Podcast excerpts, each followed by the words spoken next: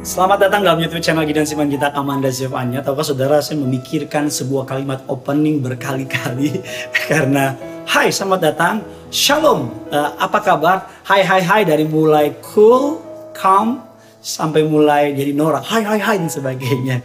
Tapi nggak penting openingnya, yang penting adalah firman Tuhannya, yang penting adalah pujian penyembahannya.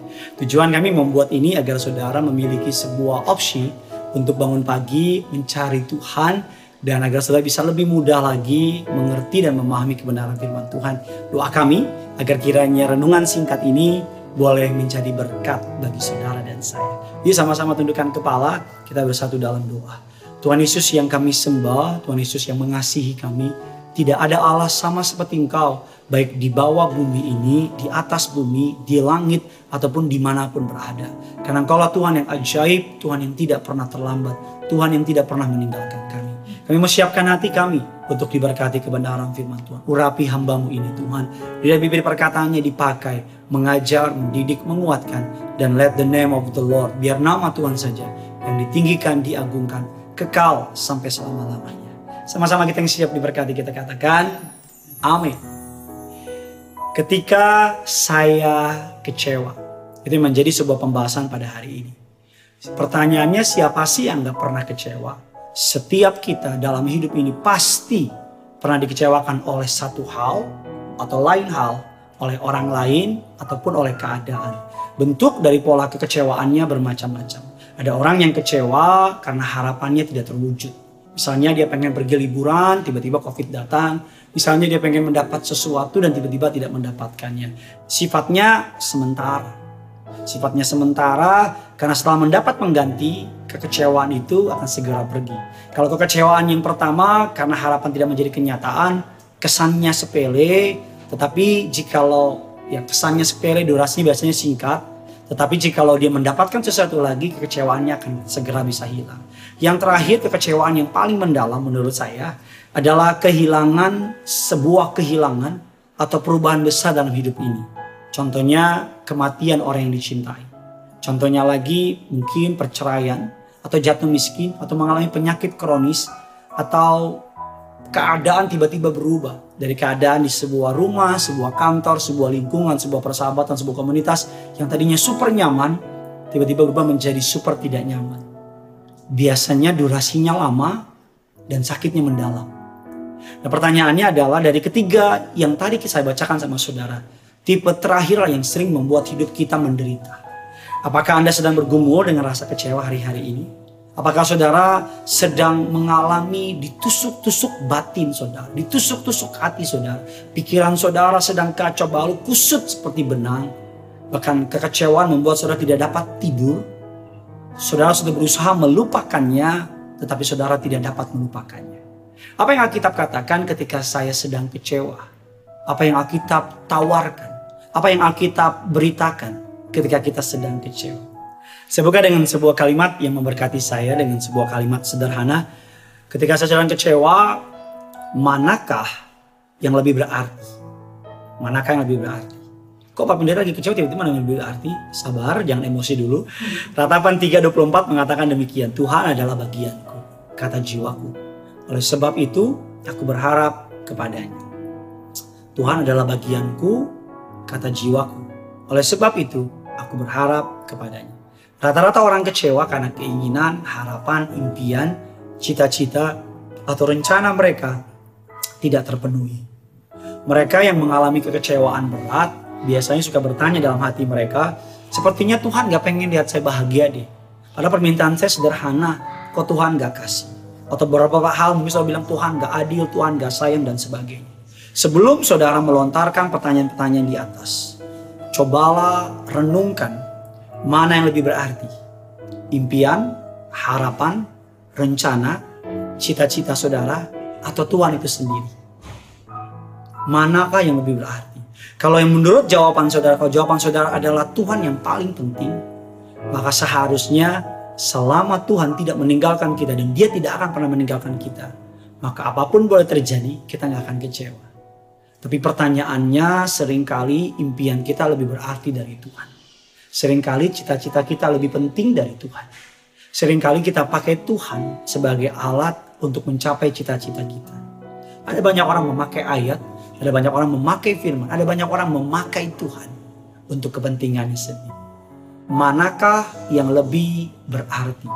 Tuhan atau impian saudara? Pengharapan saudara kepada Tuhan tidak akan pernah mengecewakan. Kalau Tuhan adalah harapan saudara. Tuhan adalah pengejaran atau hal yang paling penting dalam hidup saudara. Yang kedua, bagaimana saya ketika saya kecewa? Dikatakan ingat bahwa Anda tidak kekurangan satupun hal yang baik dalam hidup ini. Tapi Pak Pendeta saya kurang ini, kurang ini. Firman Allah mengatakan demikian. Mazmur 34 ayat yang ke-10. Singa-singa muda merana kelaparan. Tetapi orang-orang yang mencari Tuhan tidak kekurangan sesuatu pun yang baik. Saudara, kalau sudah membaca ayat ini dengan pelan-pelan, saudara akan menemui bahwa singa-singa muda merana kelaparan. Ini menjadi sebuah kisah yang hampir tidak mungkin kecuali terjadi sebuah uh, matinya binatang dan sebagainya. Tetapi singa-singa muda adalah singa yang kuat, singa yang bisa mencari mangsa dengan lebih gampang. Tapi kalau sampai singa-singa muda merana kelaparan, artinya sebuah situasi yang sangat amat sangat berat tetapi dibuat dibuat dengan sebuah atau di, dikontradiksikan, dibandingkan dengan sebuah jawaban. Tetapi orang-orang yang mencari Tuhan tidak kekurangan suatu pun yang baik.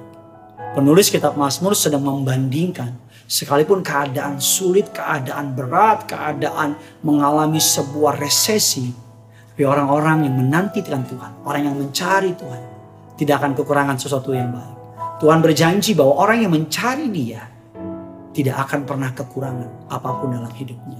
Tapi bagaimana mungkin jika saudara berpikir saya masih berpenyakitan, saya nggak punya anak, Pak Pendeta, karir saya nggak cemerlang, saya nggak punya pasangan, saya nggak punya rumah. Jawabannya sederhana. Jika hal-hal yang Anda inginkan itu baik menurut pandangan Tuhan, Tuhan pasti memberikannya.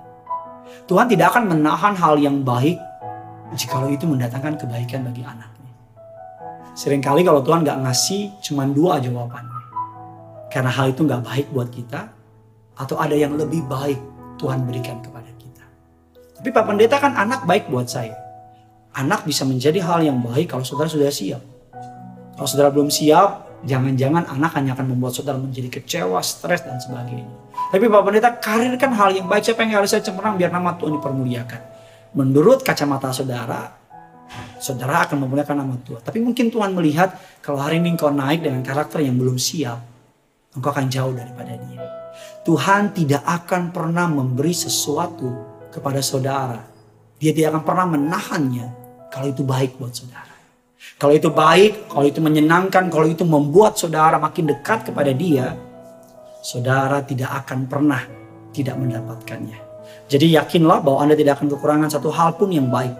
Karena jika itu baik, Tuhan pasti akan memberikannya kepada saudara. Yang ketiga, ketika saya kecewa, Alkitab mengatakan demikian. Ubah cara pandang saudara. Semua mengenai perspektif. Semua mengenai dari mana kita melihatnya. Malahan segala sesuatu kuanggap rugi karena pengenalan akan Kristus Yesus Tuhan lebih mulia daripada semuanya. Oleh karena dialah Aku telah melepaskan semuanya itu dan menganggapnya sampah supaya aku memperoleh Kristus. Filipi 3 ayatnya yang ke-8. Sumber kekecewaan kita dasarnya mengenai dua hal. Manusia atau keadaan. Itu aja sumbernya. Manusia atau keadaan. Orang-orang yang menyakiti, merugikan, atau orang-orang yang tidak memenuhi janjinya sama kita, atau keadaan yang tidak mendukung situasi kita, atau keadaan yang tiba-tiba berubah, yang tidak kita inginkan, situasi tersebut membuat kita kecewa. Pilihannya cuma dua, terpuruk dan semakin jauh dari Tuhan, atau justru mendekat kepada Tuhan dan memperoleh kekuatan dari Tuhan. Mau jatuh lebih dalam, atau mau bangkit dari kejatuhanmu, dan dari kejatuhan saudara, saudara bisa mengenal Tuhan menolong saudara. Paulus memilih respon yang kedua. Begitu dia mengenal siapa Tuhan sesungguhnya, ia menganggap semua di luar Tuhan sebagai sebuah kerugian, sebagai sebuah sampah. Bagi dia pengenalan akan Tuhan jauh lebih mulia dari segalanya. Keputusan ada di tangan saudara. Mau terus terpuruk dan jatuh lebih dalam, atau mau terus mendekat kepada Tuhan dan menerima kasihnya. Yang keempat, yang terakhir. terima keadaan. Ada banyak orang mengajar kalau punya masalah, anggap aja nggak ada. Kalau lagi kecewa, pura-pura nggak kecewa. Bagi saya itu membohongi diri sendiri. Terima keadaan. Kalau engkau kecewa, bilang sama Tuhan, Tuhan aku kecewa. Kalau engkau sakit, bilang Tuhan aku sakit. Kalau engkau nggak terima, ngomong sama Tuhan, Tuhan aku nggak terima. Bawa semua rasa sakit, kecewa, emosi negatifmu ke dalam tata belas kasihannya. Bawa semuanya kepada Tuhan, karena kalau bicara mengenai kekecewaan, salah satu tokoh di Alkitab yang paling berhak untuk kecewa, salah satu namanya mungkin Musa. Dia yang membawa bangsa Israel keluar dari tanah Mesir. Dia tinggalkan sebagai jabatan pangeran di Mesir. Hidup ikut dengan bangsanya sebagai budak. Melakukan begitu banyak peperangan di padang gurun. Selama 40 tahun dia berlari. Dan selama di padang gurun dia mengikuti Tuhan dengan segenap hatinya. Tetapi ketika mereka sampai di pintu depan tanah perjanjian. Allah berkata kepada Musa, kau nggak akan masuk. Bahkan berdoa pun, meminta pun, Allah berkata jangan doakan itu, jangan minta itu. Tuhan gak izinkan Musa masuk ke dalam tanah perjanjian.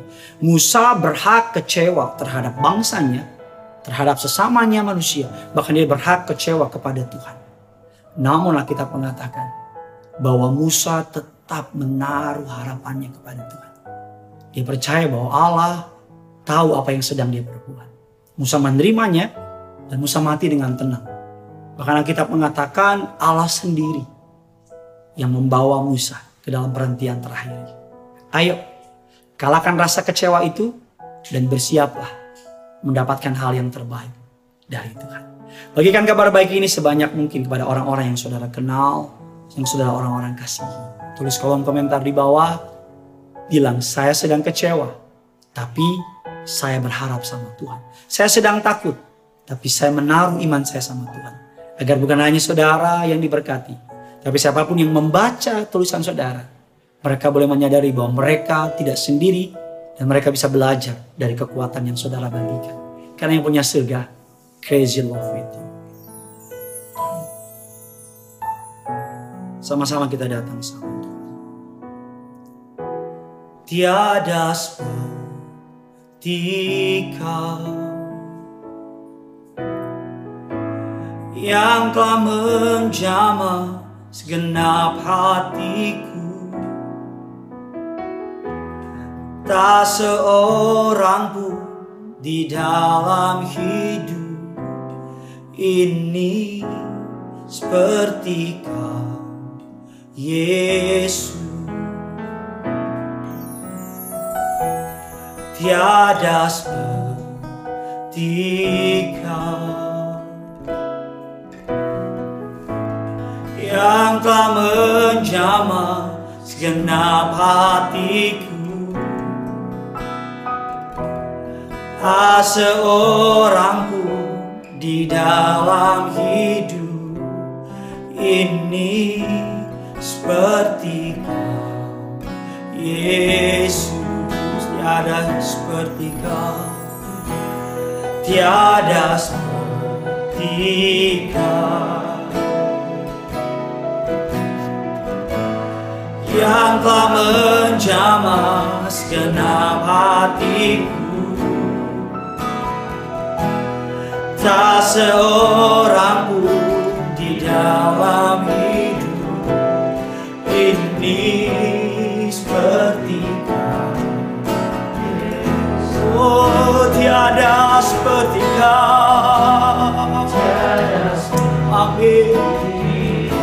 Yang telah menjamah. Yang telah menjamah. Segenap hatiku seorang pun di dalam hidup ini seperti Yesus tiada seperti kau yang telah menjamah yang telah menjamah segenap hatiku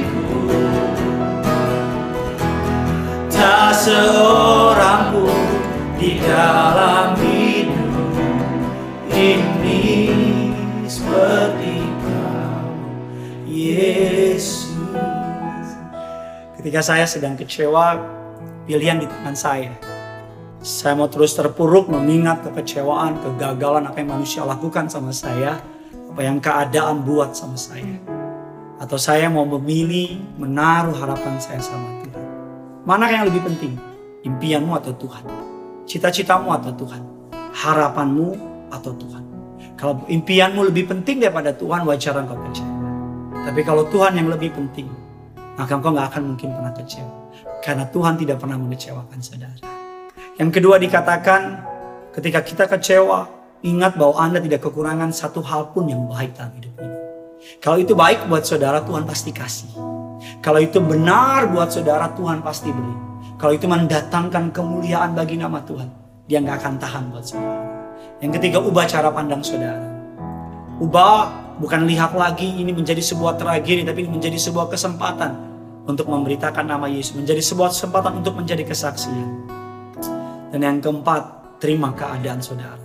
Percaya, sama seperti Musa menerima apa yang Tuhan perintahkan dalam hidupnya, dia tidak boleh masuk ke dalam tanah perjanjian, dan Tuhan tidak pernah mengecewakan Musa. Doa saya, siapa pun kau yang sedang kecewa, Tuhan menguatkan, meneguhkan saudara. Dan kita tidak menjadi tawanan dari kesakitan, dari kekecewaan. Tapi kita menjadi tawanan atas pengharapan Tuhan. Atas kasih setia Tuhan. Karena yang punya surga, crazy love with you. Bye-bye.